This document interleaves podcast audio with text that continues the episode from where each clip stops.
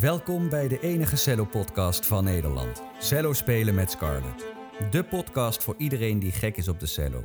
In deze serie praat celliste en docent Scarlett Arts met muzici, docenten en de grote namen uit de cellowereld. Ze praat je bij over de nieuwste ontwikkelingen en de oude meesters. Van paardenhaar tot darmsnaar, van beginner tot biennale. Leg je cello even neer. Het is weer tijd voor uw wekelijkse portie cello-praat. Hier is uw gastvrouw, Scarlett Arts. Ja, beste luisteraars, super dat je luistert naar mijn podcast Cello Spelen met Scarlett. Ik heb vandaag een eh, hele speciale jonge celliste te gast. En dat is iemand, ja, dat is iemand die hier ook les geeft in de studio op de Happerandeweg in Amsterdam. Ze heet eh, Charlotte Brusset. Ze studeert aan het Conservatorium van Amsterdam. En het is wel leuk om te vertellen. Charlotte, ik heb jou leren kennen toen jij eh, bij mij een Musilia cello-koffer kwam kopen. Ja, klopt, inderdaad. Wie ja. had toen kunnen denken dat we elkaar zo regelmatig zouden spreken Ja, en zien, toch? Ja. Vervolgens heb ik, eh, een, eh, heb ik je gevraagd via LinkedIn of je een connectie wilde maken. En er kwam een heel vriendelijk bericht van jou op. Van, goh, wat leuk wat je allemaal doet. En misschien kunnen we ooit een keertje samenwerking of zo hebben. Ja. En dat kwam op een fantastisch moment. Want eh, toen ik, had, ik was precies op zoek naar iemand die mij hier in de studio kwam versterken. Et voilà, een jaar Ja. geleden, april vorig jaar, ben je hier begonnen, hè? ja, klopt. Ja, bizar dat dat zo samen liep toen. Ja. Zeg dat Ja. wel. Het was echt eh, het juiste meisje op het juiste moment. De juiste vrouw op het juiste moment. Ehm, Charlotte, vertel eens iets over jezelf. Wie ben je? Hoe oud ben je? Hoe jong ben je? Vertel. Ehm, nou, ik ben Charlotte. Eh, ik ben celliste. Ik ben nu, ik moet altijd even nadenken, 22 jaar. Ehm, ik ben begonnen met cello spelen toen ik zeven jaar was. Eh, ik kom uit Amersfoort. Daar ben ik op de muziekschool begonnen. Ehm, en toen via de jong talent van die muziekschool op de jong talent van het conservatorium terechtgekomen in Amsterdam. En zo ben ik eigenlijk doorges- doorgestroomd naar het conservatorium, de, de bacheloropleiding waar ik nu zit. En Charlotte, wie was je docent in, in Amersfoort? Eh, ik ben begonnen bij Frank van den Berg. Die heeft later of eerder een, een ander moment ook lesgegeven in Tilburg, volgens mij. En toen op een gegeven moment is hij ehm, in Amersfoort les gaan geven. Maar die is nu al lang met pensioen, geloof ik. Ja. Ik heb later ook van eh Josien Jansen les gehad in, eh, in Amersfoort. Akkoord. En wist jij, wist jij meteen van hé, hey, dit, is, dit is iets speciaals voor mij? Of is dat door de tijd heen gekomen? Ehm, ja en nee. Ehm, in de zin van, eh, mijn ouders die doen allebei aan muziek. Eh, mijn vader die zingt, mijn moeder speelt piano. Allebei niet professioneel, maar wel ehm, veel ermee bezig. Ook hun hele leven gedaan. Dus het was eigenlijk altijd heel vanzelfsprekend voor mij om, om muziek te spelen. Dat hoorde er gewoon bij, gewoon bij ons thuis. Ehm, ik heb bijvoorbeeld ook een tijdje op dansles gezeten. Dat vond ik ook wel prima. Maar toen mijn moeder na een jaar vroeg van... nou, wil je ermee doorgaan of niet? Was ik heel duidelijk van, nee, dat hoef ik niet meer. Maar met cello heb ik eigenlijk nooit dat moment gehad. Dus ik heb het wel heel vervelend gevonden. Ik wilde ook nooit naar celloles. En ik vond het ook heel vervelend om elke keer weer te studeren. En andere momenten vond ik het ook heel leuk hoor. Ehm, maar het was zo vanzelfsprekend voor me dat ik nooit in me is opgekomen om nog een keer ermee te stoppen. En, en hoe kwam het in je op om de cello te kiezen? Hoe liep dat dan? Ehm, ik had eerst een basiscursus gedaan, echt met allemaal van die kleine hummeltjes in een lokaal, dat je allemaal eh, verschillende instrumenten gaat uitproberen. En ehm, toen, ja, toen waren er heel veel instrumenten langsgekomen en ik wilde eigenlijk alles spelen. Ik wilde harp spelen en fluit en piano, want mijn moeder speelde piano. Ehm, maar op een gegeven moment toen ehm, was de docent die die les gaf, die was naar mijn moeder toegekomen. Die had er nog eens over nagedacht wat nou een goed instrument voor mij zou zijn. En toen zei ze, ik weet wat Charlotte moet spelen. Die moet cello spelen, want dat zit hier. Dus ik maak nu een gebaar van een soort van knuffel. Ehm, dat, dat leek haar het ultieme instrument voor mij. Ehm, en ik kan me persoonlijk dat niet helemaal herinneren. Dat heeft mijn moeder me achteraf verteld. Maar ik weet wel dat het gelijk ja, het instrument was waar ik een klik mee had. En, en Charlotte, toen jij daar doorstroomde naar een eh, jong talentenklas, wat speciaal trouwens dat de muziekschool dat heeft. Ja, Best Ja, wel ambitieuze klopt. muziekschool dan, of niet? Ja, klopt. Het, is, het, is, het heet Scholen in de Kunst in Amersfoort. Ehm, of tenminste in ieder geval toen ik er zat, maar ik neem aan dat het er nog steeds is. Ehm, en het is een hele grote muziekschool. Ehm, en dat heette dan de Academie, als ik me goed herinner. Ehm, je hebt in Utrecht natuurlijk de Academie Jong Talent. Um, het was wel echt iets anders dan dat, want dit was echt verbonden aan de muziekschool. Ehm, en dat, ja, dat, dan kregen we ook extra theorielessen en zo, om, uh, om dat te ondersteunen. Extra uitvoeringen, extra concerten. En bleef je toen bij dezelfde docent of was er dan ook weer een andere docent die jou werd aangeraden? Of? nee, ik ben eigenlijk gestopt bij Frank toen puur omdat hij met pensioen ging. Dat was... Uh, Verder was daar niet echt een andere reden achter. Uh, maar dat viel volgens mij wel precies samen met het moment dat ik ook naar de, naar de academie, naar de jongtalentafdeling ja, ja. van de, van dus de muziekschool ging. Een natuurlijke, natuurlijke overgang. Ja, precies. Ja. Hey, en Charlotte, um, hoe, hoe voelde dat voor jou? Was de, uh, het conservatorium van Amsterdam, dat zat toen natuurlijk al in het nieuwe gebouw. Hè? Ik ken natuurlijk nog de Van Baarlenstraat, maar tegenwoordig ligt dat lekker dicht bij het Centraal Station ja, aan het ei. Ja. Hoe voelde dat voor jou? Was je om, om daar voor te gaan spelen, auditie te doen? Um, nou, ik was wel zenuwachtig, dat weet ik nog wel. um, maar ja, het, het eigenlijk met heel veel dingen in, in mijn cello-leven. Zo van, ook al vind ik het eng of vind ik het niks of heb ik me er twijfels bij. Eigenlijk is het ook allemaal zo vanzelfsprekend of zo. Van ja, nu ga ik gewoon daarheen, dus dan ga ik het ook maar gewoon doen. Um, en dat ging gelukkig goed. Um, het was eigenlijk wel spannend, want de uh, de pianist die mij begeleidde voor die auditie, die had het stuk nog nooit gespeeld. Dus die zette in een heel ander tempo in dan dat ik het kon spelen. En ik was toen ook nog echt best wel jong. Dan tenminste, ik was 14, 13, zoiets. Um, dus ik schrok me natuurlijk helemaal uh, te pletter daarvan. Maar eigenlijk was het ook wel oké, want toen kon de commissie ook zien dat ik daar dus uiteindelijk wel mee om kon gaan. Dat het anders liep dan ik had verwacht. Um, maar ja, toen, toen ben ik dus bij, um, bij Monique Bartels terechtgekomen. En dat was echt geweldig om daar, uh, daar les te hebben. Ja. En weet je nog uh, de, dat stuk wat met dat tempo. wat, wat, was dat voor stuk? Het weet was nog, Allegro Appassionato. Van, ah. is dat van Saint-Saëns? Ik denk het. Ja, toch? Ja. van weer vergeten. ja, ja heel leuk stuk. Wat heerlijk. Ik hoor alleen maar goede verhalen over Monique Bartels. Wat een fijne docent dat is. Ja, nee, het is, het is ook altijd als ik haar nog tegenkom, dan ben ik gewoon altijd blij om er te zien. En het is altijd leuk om te vertellen waar ik mee bezig ben. En ja, ik voel daar wel echt een, een verbinding mee. Ze heeft natuurlijk zo'n enorme um, cello-klas eigenlijk gehad. Van, van cello spelend Nederland heeft zij zoveel cellisten lesgegeven. Dus daar voel je dan toch altijd een beetje verbonden mee. En wat maakte haar lessen zo fijn? Mm, hm, goeie vraag. Weet ik niet. Um, ik denk gewoon, je voelde aan alles dat ze precies wist wat ze aan het doen was. En ze was heel of is, nog steeds, is nog niet overleden. Uh, we moeten tegenwoordige tijd praten. Uh, ze is gewoon heel rustig en heel, heel betrokken, heel grondig ook wel. Ze wist precies waar ze mee bezig was. En dat, dat vertrouwen, dat, dat voel je dan ook. Ja, dat, dat moet ook wel, hè? want zij heeft natuurlijk een enorme verantwoordelijkheid. Je toekomst hangt een beetje af uh, van wat zij uit jou ja, haalt. Hè? Klopt. Ja. En Charlotte, Leerde jij ook van haar hoe je moest studeren, hoe je moest oefenen? Um, ja, ik, ik herinner me um, van die periode. Ik denk dat dat ook een beetje samenhing dat, dat ik het toch ook wel spannend vond. Zo'n overgang naar het, het grote conservatorium. Dat ik toen ook veel last van mijn rug had. Dus dat ik toen um, ook echt moeite had met hoe, hoe kan ik nou echt lekker cello spelen in plaats van alleen maar gespannen. Uh, dus daar zijn we heel veel mee bezig geweest.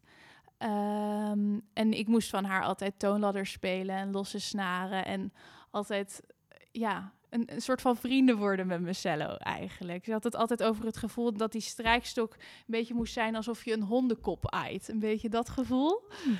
Um, daar zijn we heel veel mee bezig geweest. Gewoon om, ja, überhaupt om een techniek vooruit te krijgen natuurlijk. Dat is wat je wil. Maar ook gewoon echt om goed achter die cello te zitten. Gewoon lekker te spelen. Wat goed, wat een mooie metafoor. Ja. Grote hondenkop uh, ja. ja.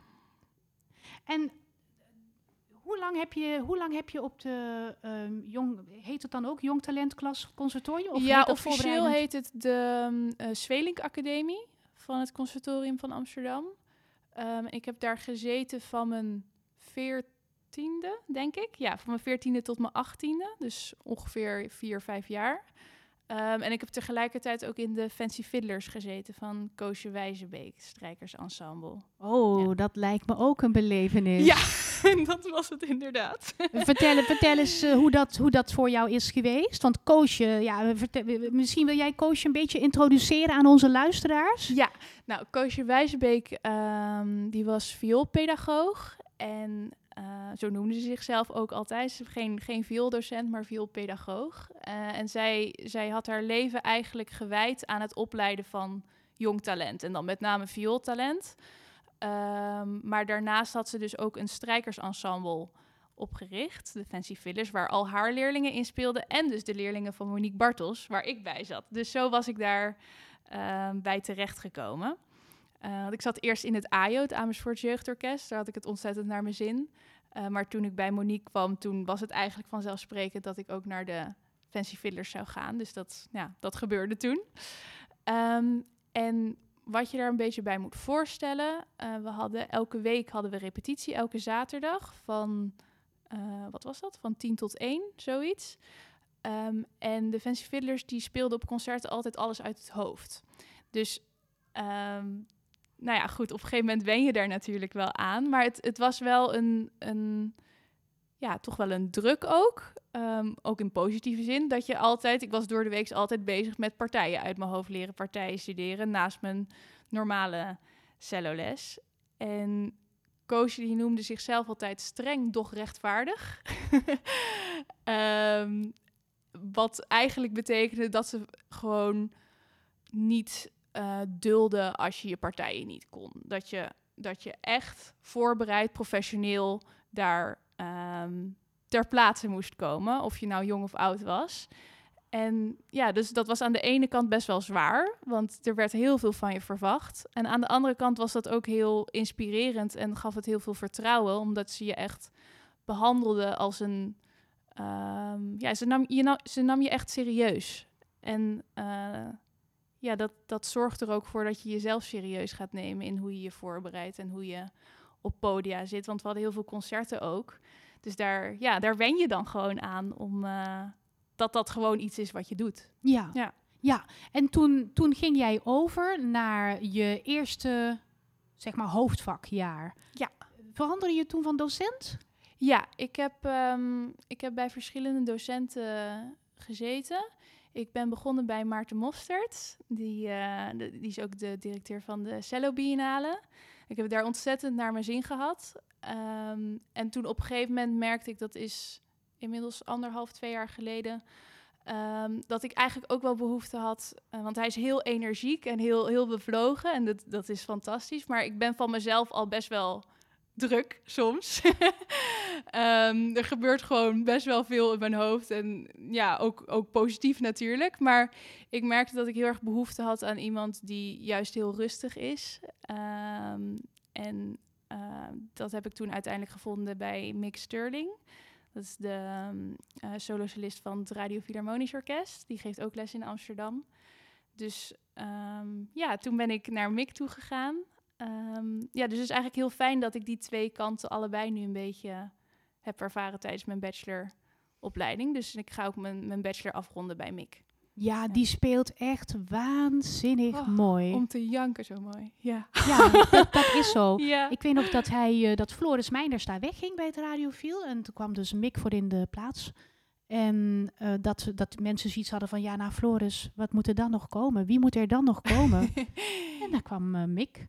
Volgens mij zei, zei men toen nog Michael, Michael Sterling. ja, precies. Ja, eigenlijk heet hij Michael Mick inderdaad. Voor Intimi. ja. En het speelde waanzinnig. Ja, nee, het is, het is heel inspirerend. Sowieso met, met alle docenten op het conservatorium. Gewoon dat je weet wat zij zelf doen op, op het podium. Wat, wat zij zelf allemaal voor mooie dingen ja, in de wereld zetten eigenlijk. Dat je daar dan iets van meekrijgt. Dat is super inspirerend. Dat zou ik denken. En Charlotte, omschrijf eens iets. ehm, ik ben altijd benieuwd hoe jij of hoe men zelf de competitie en zo ervaart op school.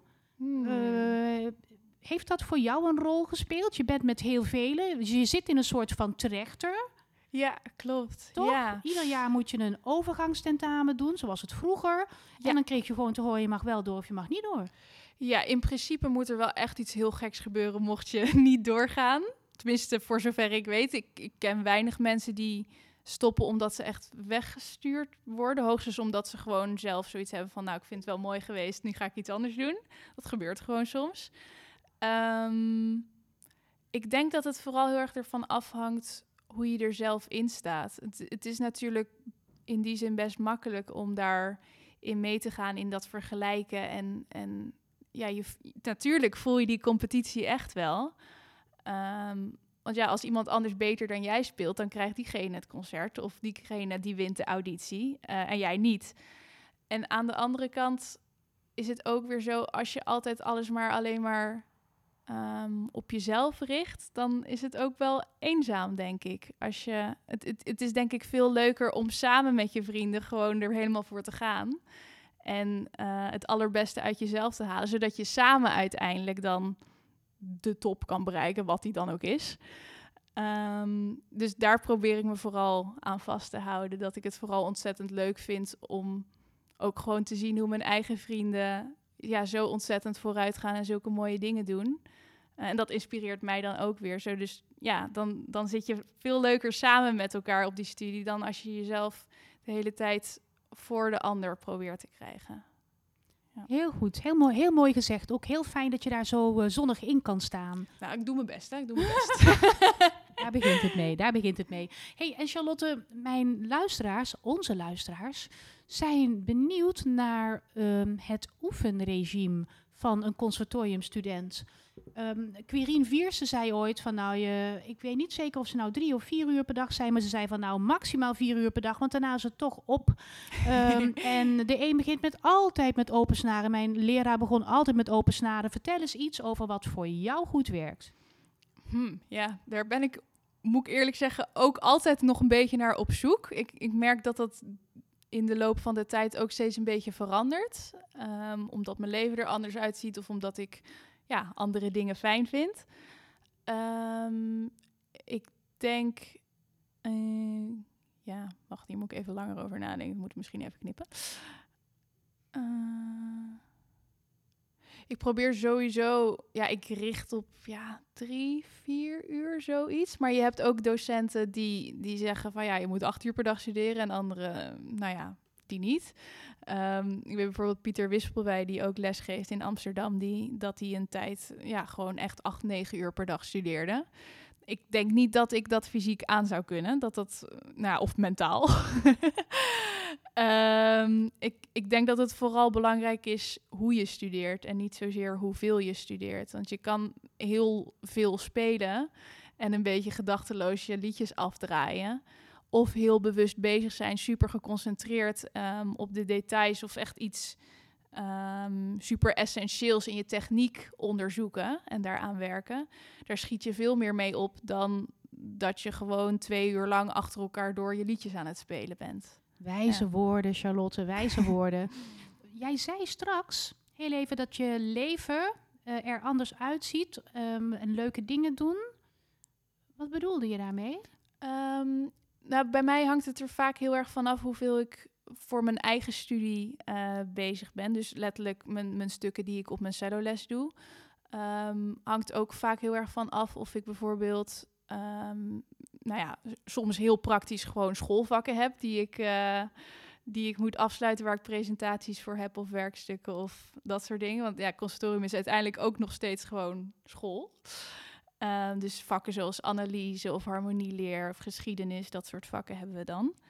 Ehm, maar het, grootste, het grootste ding wat invloed heeft, is toch wel repetities en concerten met mijn pianotrio. Daar speel ik heel veel mee, het Van Gogh trio. En dat vind ik ontzettend leuk, maakt me ontzettend blij. Ehm, dus ja, er zijn periodes dat het dan rustiger is. Dat we even um, bijvoorbeeld tijd hebben om even wat weer nieuw repertoire op te bouwen. Of dat we ja, gewoon met andere dingen bezig zijn. En bijvoorbeeld komende tijd hebben we dan weer een heleboel concerten staan. Dus dan merk ik dat daar dan meer tijd naartoe gaat en meer energie naartoe gaat. Dus dan, ja, dat wisselt elkaar een beetje af dan. Fases dat ik meer op mezelf richt en fases dat ik meer met mijn ensemble of andere dingen bezig ben.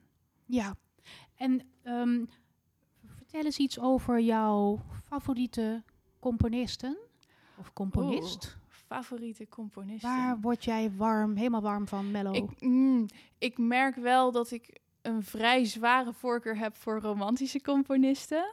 Ehm, dus ja, gewoon Brahms en Dvorak en nou dat soort componisten. Ehm, hoewel ik nu met mijn trio ook het, het pianotrio van Shostakovich speel. En dat vind ik toch ook wel echt heel gaaf om te spelen.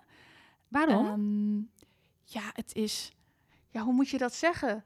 Het is zo overrompelend eigenlijk. Om überhaupt om dat te spelen is een soort van uitputtingsslag, als het ware. Het is heel zwaar om te spelen.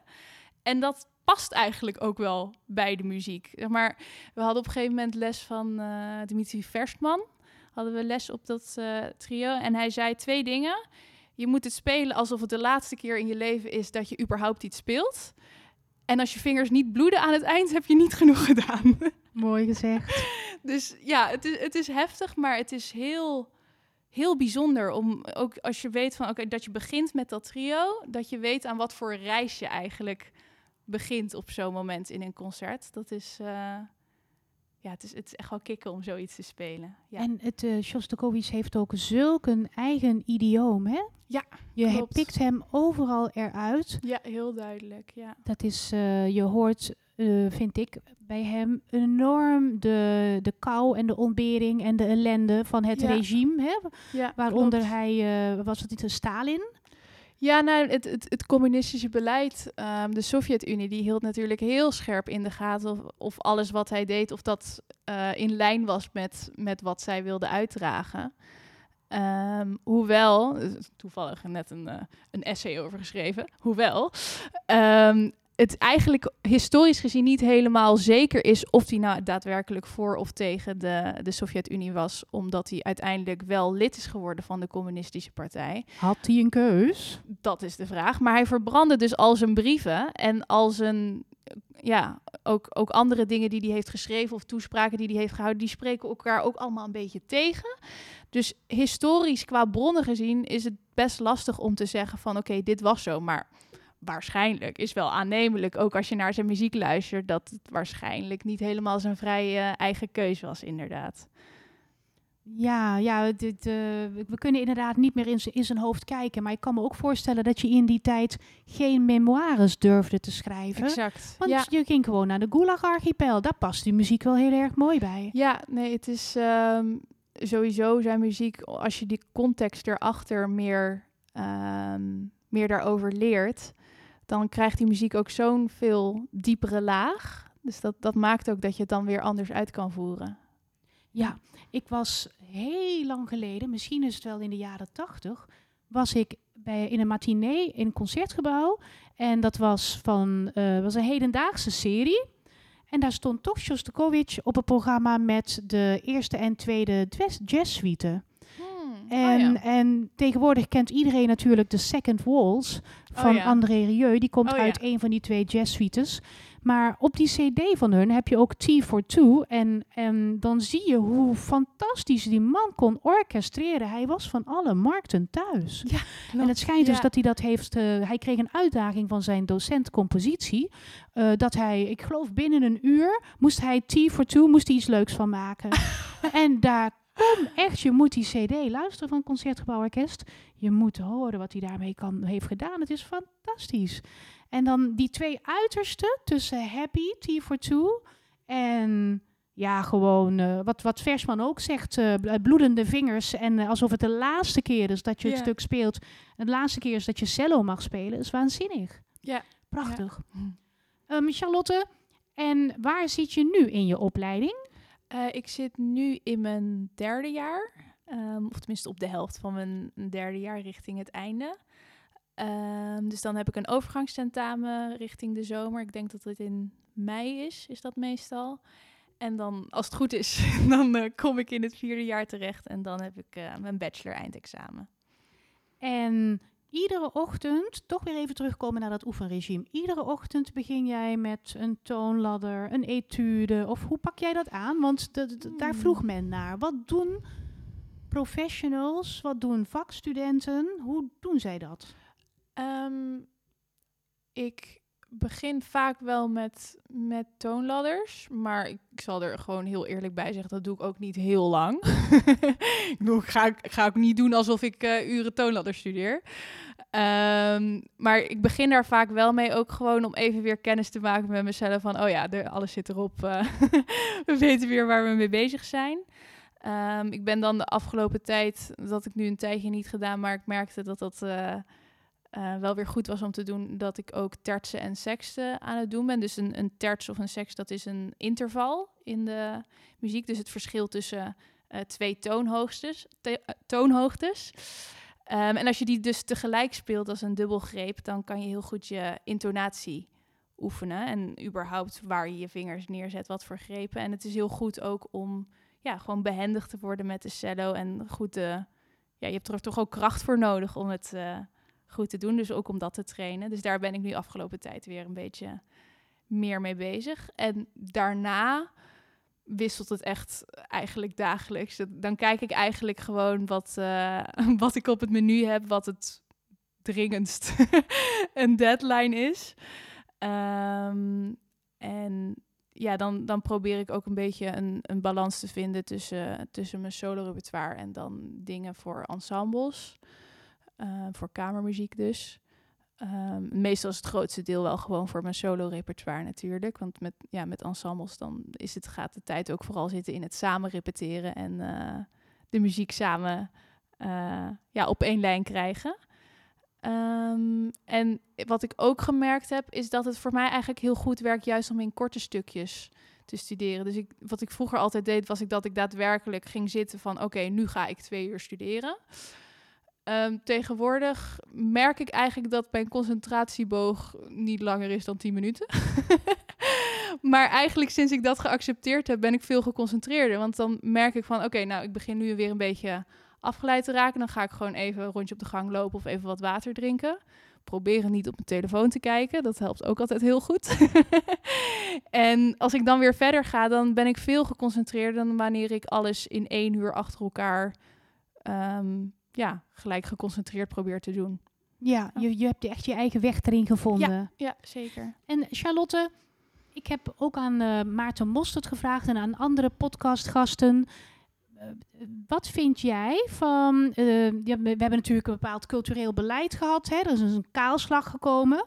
Hoe, hoe zie jij de toekomst? Toch rooskleurig of jouw toekomst? Ehm, nou, ik moet zeggen, toen, toen alles helemaal dicht was met corona en zo, toen, ja, toen heb ik wel echt wel een aantal momenten gehad van waar, waar doe ik dit voor? Van, ik, misschien moet ik gewoon iets anders gaan doen, want ik, ik zie het gewoon niet meer. Ehm, maar eigenlijk nu alles weer een beetje overgaat, vind ik alles weer helemaal geweldig. Ik denk, ja, zie ik het rooskleurig in? Ik denk het wel, maar ik denk tegelijk ook dat het niet, ehm, ja, dat het wel iets is waar je echt zelf ook echt voor moet werken. Ehm, wat ook leuk is natuurlijk om te doen. Het is, eh, het is niet een last. Want ik bedoel, het is, het is ook een, ja, het heeft een reden dat ik ben gaan cello spelen. Ehm, wat ik wel zie ook is dat het steeds belangrijker wordt niet om alleen je instrument goed te spelen, maar ook alles eromheen eigenlijk. Van wie ben jij als persoon en hoe presenteer jij jezelf op het podium? Ehm, heb, je, heb je een leuk verhaal erbij te vertellen? Of heb je misschien een, een, een link met een andere kunstvorm? Of misschien wel met een zanger? Of ehm, wat, wat is het verhaal eigenlijk wat je overbrengt met je muziek? In plaats van dat je alleen maar ja, je muziek komt spelen. Wat natuurlijk ook heel mooi is en heel fijn is. Maar ja, ik merk dat dat steeds belangrijker wordt eigenlijk. Ehm, ja, om, om de hele context rond de muziek meer aan te kleden. En dat vind ik eigenlijk alleen maar leuk.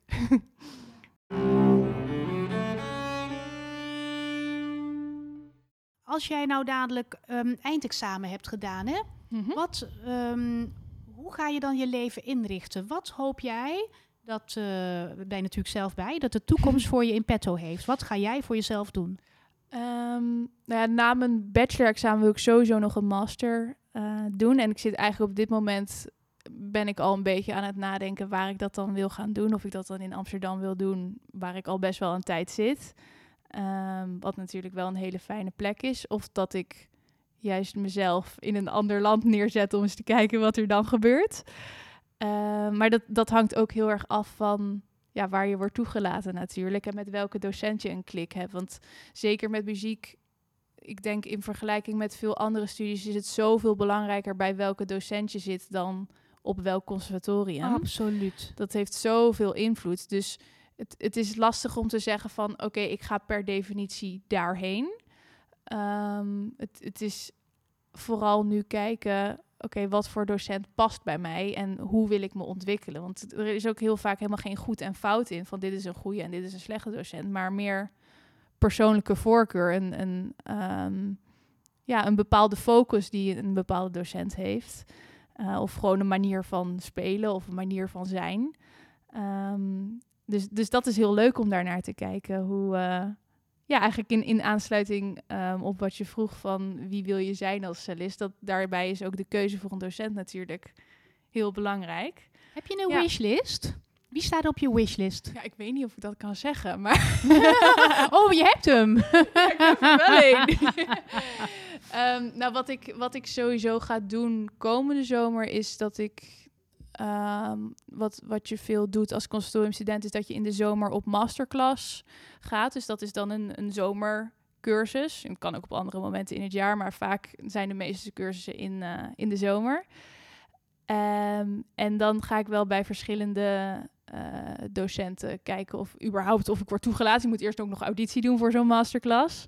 Um, maar goed, als we ervan uitgaan dat ik daar word toegelaten, dan um, heb ik nu op het oog om bij uh, een masterclass te volgen. Reinhard Latsko, die geeft in Wenen les. En bij Xenia Jankovic, die geeft in, waar geeft ze les? In Detmold.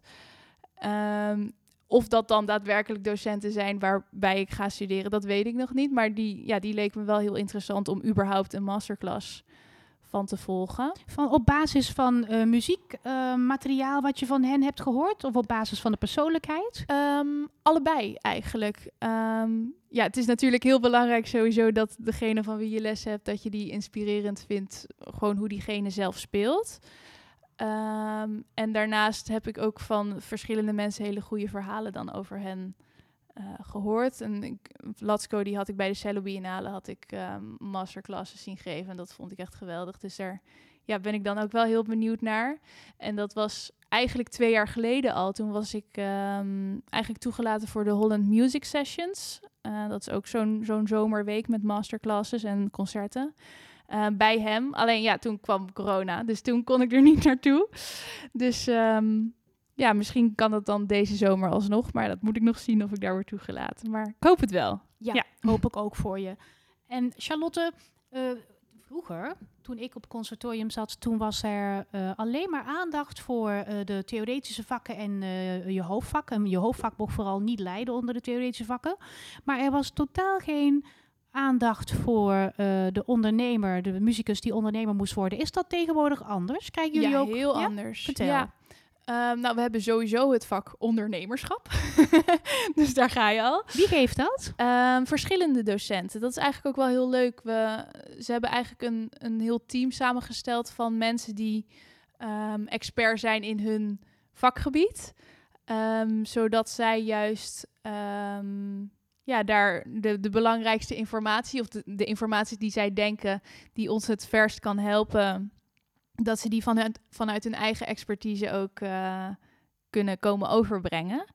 Um, en je hebt daar dan, je hebt een algemeen gedeelte en een gedeelte waar je dan voor kan kiezen. Dan heb je zo'n hele lijst met dingen waar je in geïnteresseerd zou kunnen zijn. Um, dus bijvoorbeeld concert, um, hoe noem je dat? Acquisition. Ja, mijn hele studie in. Ja, dus hoe je concerten krijgt. Mijn hele studie is in het Engels, dus mijn hoofd ja. loopt soms een beetje over met Engelse termen. Um, dus hoe je, ja, hoe, hoe je concerten krijgt, hoe je contact met, met zalen, dat soort dingen uh, doet. Of bijvoorbeeld hoe je je eigen website maakt. Oh. Of um, hoe je, wat heb je nog meer voor dingen?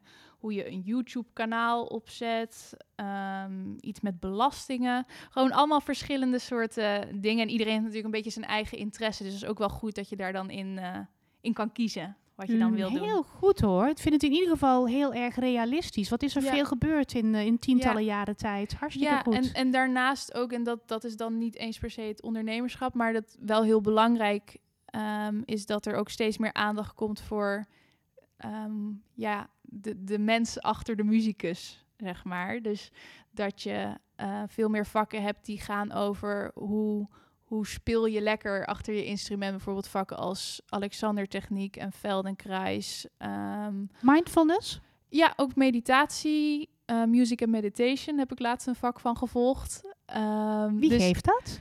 Het was met, ehm, oh god, Hans Kuneman, die is een gitarist. Maar volgens mij was dit de laatste keer dat hij het gaf. Dus nu gaat iemand anders het eh, overnemen.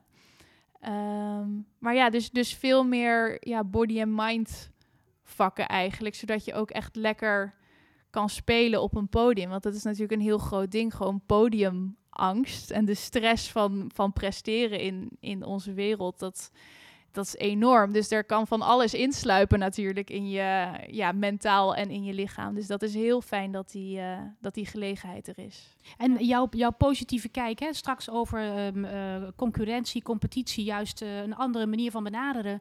Kun je dat ook wanneer je op een podium zit? Ehm, ja, denk ik. Ehm, kijk, ik word wel zenuwachtig. Dat, dat gebeurt gewoon wel. Ehm, maar wat ik wel merk is dat dat steeds minder invloed heeft op wat ik, wat ik daadwerkelijk doe en wat, wat voor geluid ik maak, zeg maar. Ehm, dus ja, dat, dat is iets waar je aan de ene kant gewoon met ervaring aan wendt.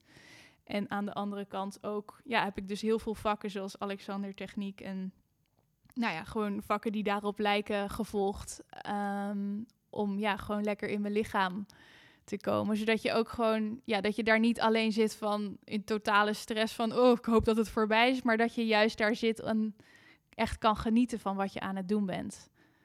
Ja. ja. En dat was met Doris Hoogscheid, hè? die ook Ja, mijn klopt. podcast eh, gast Ja. is geweest. Superleuk. Ja, ja, Doris is fantastisch. Ja, hè? heel fijn. Er zijn zelfs leerlingen van mij die, eh, die haar, naar haar gaan. Eerst eh, Mm. zonder cello, dan met cello. Ik raad het iedereen aan, zolang ze maar plaats heeft, om daarvan mee te, mee te, iets mee te krijgen. ja.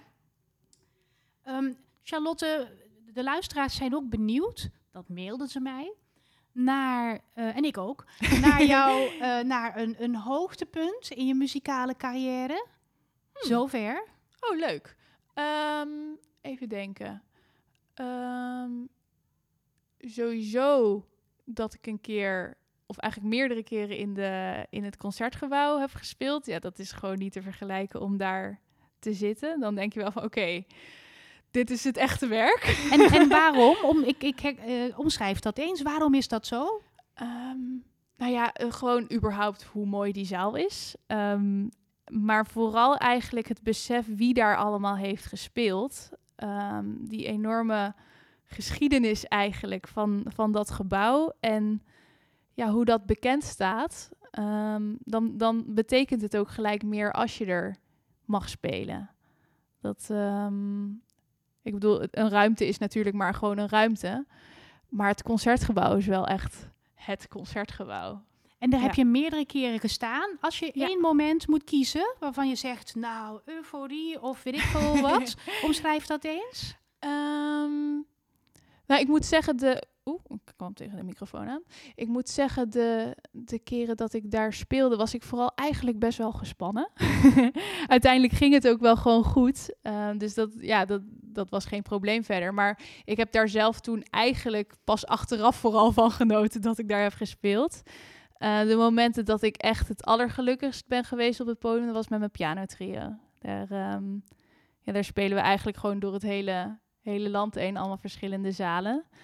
Ehm, maar ja, ik vind dat zo leuk om gewoon met eigenlijk met je beste vrienden op een podium te zitten en dan zoiets moois te kunnen doen. Dat, eh, Snap Ja. ik helemaal. En dan kies je ook weer, eh, eh, dan, dan neig je ook weer naar Brahms en Dvorak met z'n drieën.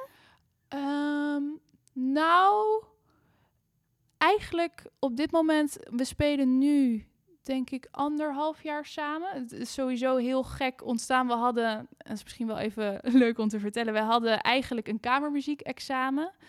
Ehm, en dat waren we eigenlijk ook een beetje vergeten. Nou? Dus toen moesten we op een gegeven moment... Oh ja, oh ja we hebben kamermuziekexamen. Oké, we moeten even iets instuderen. Dus we hebben heel hard daarvoor gewerkt. Dus, we- ik bedoel, we hebben er niet met de pet naar gegooid. We hebben er echt hard voor gewerkt... om dat ehm, tot een goed eindexamen voor de kamermuziek te brengen. En toen hadden we daar een filmpje van eh, op Instagram gezet. Dat is toen opgepikt door iemand bij Podium Witteman. Toen zaten we als eerste openbare concert bij Podium Witteman. nou ja, en toen waren we een pianotrio. Dat Ja. is een beetje hoe het ging. Ehm, dus relatief spelen we eigenlijk kort samen. Ehm, dus wat we nu vooral doen, is dat we juist zo'n breed mogelijk programma proberen te ontwikkelen. Zo breed mogelijk repertoire. Eh, ten eerste om voor onszelf ook, omdat het heel leuk is om al die verschillende facetten te, ja, te onderzoeken. En ehm, ten tweede ook voor programmeurs is het natuurlijk fijn om te weten van... oké, ik, kan hieruit kiezen, ik kan daaruit kiezen... en wat past er in mijn programmering? Absoluut. wat past er bij mijn zaal? Ehm, dus ja, eigenlijk proberen we nu vooral juist zoveel mogelijk verschillende dingen te doen. Ja. Ja. En Charlotte, ehm, net eh, vroeg ik je naar een, eh, een euforisch moment. Eh, het, het tegenovergestelde. Echt een moment dat je denkt bij jezelf, muzikaal hè? Dat je denkt van nou, nooit meer zoiets. Durf je te graven. Even denken.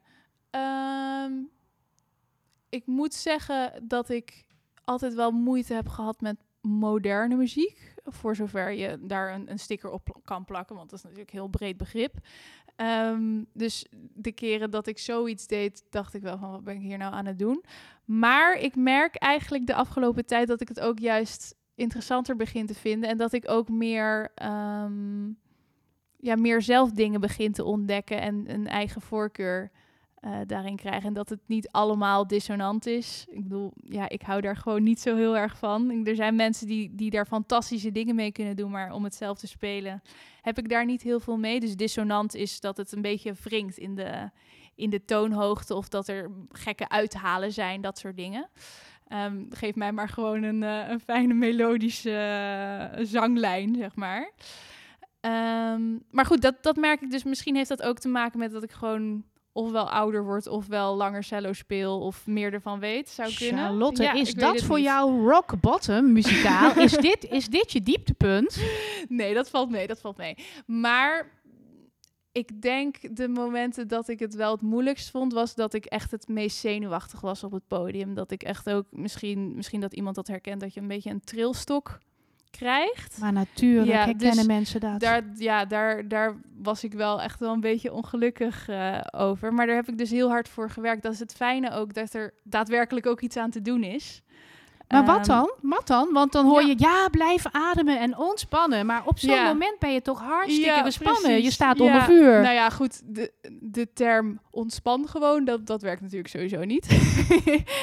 Ehm, ik denk dat het, ja, het zijn verschillende factoren. Het, heeft aan de ene kant te maken met letterlijk beter begrijpen wat je doet met je strijkstok, met je cello, met ja, gewoon je techniek. Bijvoorbeeld een, een ding waar ik nu een beetje mee bezig ben, kwam ik blijkbaar heel laat achter, maar dat was blijkbaar nooit tot me doorgedrongen dat de hoeveelheid haar die je hebt met de strijkstok, dat dat niet alleen bepaalt wat voor soort klank je krijgt, maar ook hoeveel de stok veert. Dus als je je stok een beetje draait, dat je minder haar hebt, dan gaat die automatisch minder stuiteren. Dus dan is het veel makkelijker als je bijvoorbeeld uit een, uit een forte, een, een luide passage komt, die eh, misschien met een beetje springerige of staccato noten, en daarna ineens naar een piano lange noot eh, moet, dat je daar dus een beetje invloed kunt hebben met de, met de hoek van je strijkstok. met de Hoeveelheid haren. Ja. En dat, dat zijn zulke simpele dingen. En dan, ja, de meeste dingen weet je natuurlijk wel. Maar soms dan mist er net even een, een haakje. en dat, ja, dus het, het is een stukje beter weten wat je met je cello doet. Waarvan dit dan even een, een willekeurig voorbeeldje is. Ehm, en aan de andere kant, nou, waar ik het bijvoorbeeld over had, die Alexander-techniek, Feldenkrais, dat soort dingen. En aan de andere kant is het ook ehm, ja, meer lichaamsbewustzijn. En wat, wat jij zei van goed blijven ademen, dat is inderdaad ook heel belangrijk. Maar als je alleen maar helemaal zo gaat zitten ademen, dan schiet je natuurlijk ook niks mee op. Dus het is eigenlijk meer over ja, je lichaam organiseren en, en ruimte vinden in je lichaam. Want je gaat natuurlijk heel veel dingen vastzetten. Als je, hoe gespanner je bent, hoe meer dingen je vast gaat zetten. Ehm, dus ja, dat, dat is ook wel iets wat je, wat je ook echt kan oefenen dan. Bijvoorbeeld met die Alexander-techniek en de Veldekreis. En nou ja, die honderdduizend dingen die ik heb gedaan. Ehm, dus wat dat betreft is cello spelen ook echt een beetje mijn yogales gewoon. ja, hele Dus, eh, mooie, ja, het is ja. een hele mooie vergelijking. Ja, en ik merk ook eigenlijk bij, bij het lesgeven dat ik ben altijd best wel, ehm, nou ja, streng als het ware daarop. Dat mensen gewoon daadwerkelijk hun voeten goed op de vloer hebben. En van, ben je nog bewust van waar je schouders uithangen en dat soort dingen. Dus ik maak er ook wel eens grapjes over. Ja, je bent gewoon op yogales hier gekomen hoor. maar dat, ja, dat, ik merk gewoon dat dat zo belangrijk is. Dat als je bepaalde basisdingen eerst fixt, dat dat zoveel uitmaakt voor hoe je dan daadwerkelijk kan cello spelen. En dan kan ik wel de hele tijd zeggen, ja, je pink moet op die plek. Maar als jij je elleboog niet op een andere plek heeft, dan kan ik zo vaak zeggen waar je pink moet. Maar dan gaat het niet gebeuren. Dus Ja. dat, ehm, ja, dat merk ik ook wel bij het lesgeven, dat dat...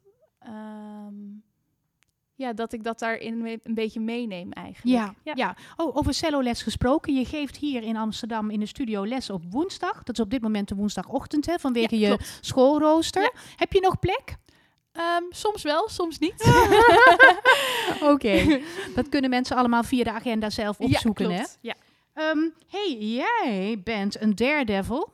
Want je hebt je cello meegenomen. En alleen Joachim Eilander, die, eh, die heeft cello, eh, de cello laten klinken tijdens een podcastgesprek. Vaak ook omdat velen waren online en dan werkt het toch niet oh goed. ja, met Zoom is natuurlijk met lastig, Zoom. En ja. dan is het toch altijd behelpen.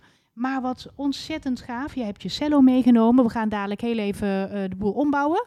Vertel, wat ga je voor ons spelen?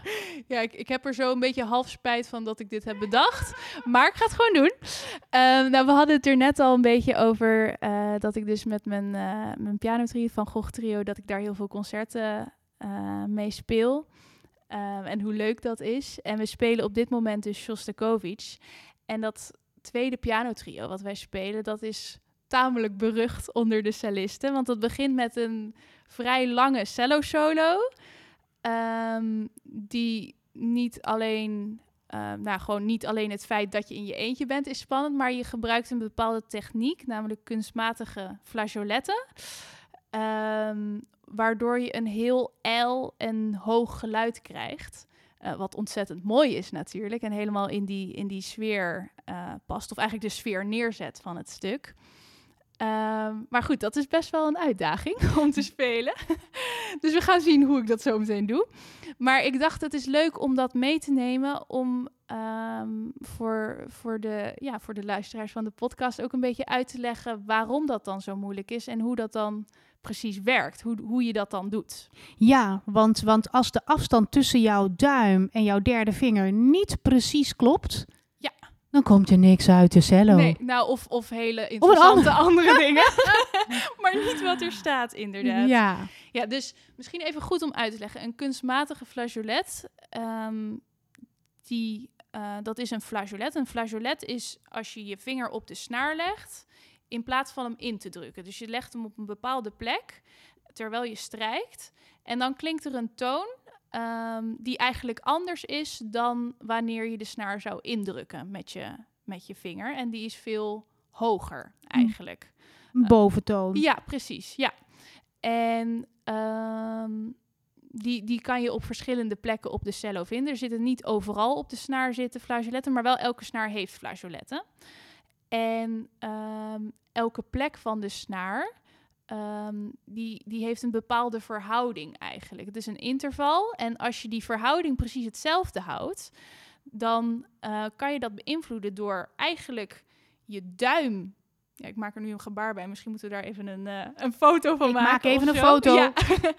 Ehm, door je duim op de, eh, op de toets te leggen, terwijl je ook nog je derde vinger zachtjes. Ja, misschien kan ik dat beste met een cello laten zien zometeen. Ehm, terwijl je ook nog zachtjes met je derde vinger op die snaar ligt. En als je die vingers dus tegelijk beweegt ten opzichte van elkaar, dan kan je dus heleboel verschillende tonen maken die eigenlijk met de losse snaren en de vingers normaal ingedrukt er helemaal niet op zouden zitten. Ja, ik ben heel erg benieuwd. Ik, ik, zet, eh, ik zet heel eventjes eh, de, de opname stop. En dan eh, mag jij je cello uit gaan pakken. Akkoord? Yes. Wens me succes, jongens.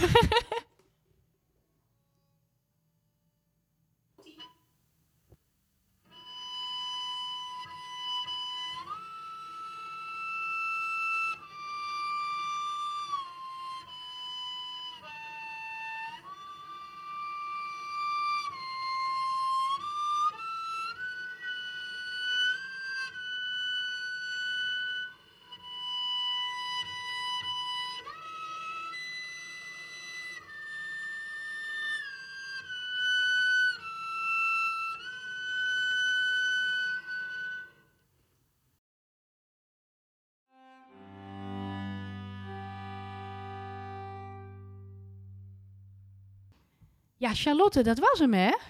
ik, ik geloof het. Ik denk het. Want? nou, het, is, het is altijd wel spannend om, eh, om deze solo zo te beginnen.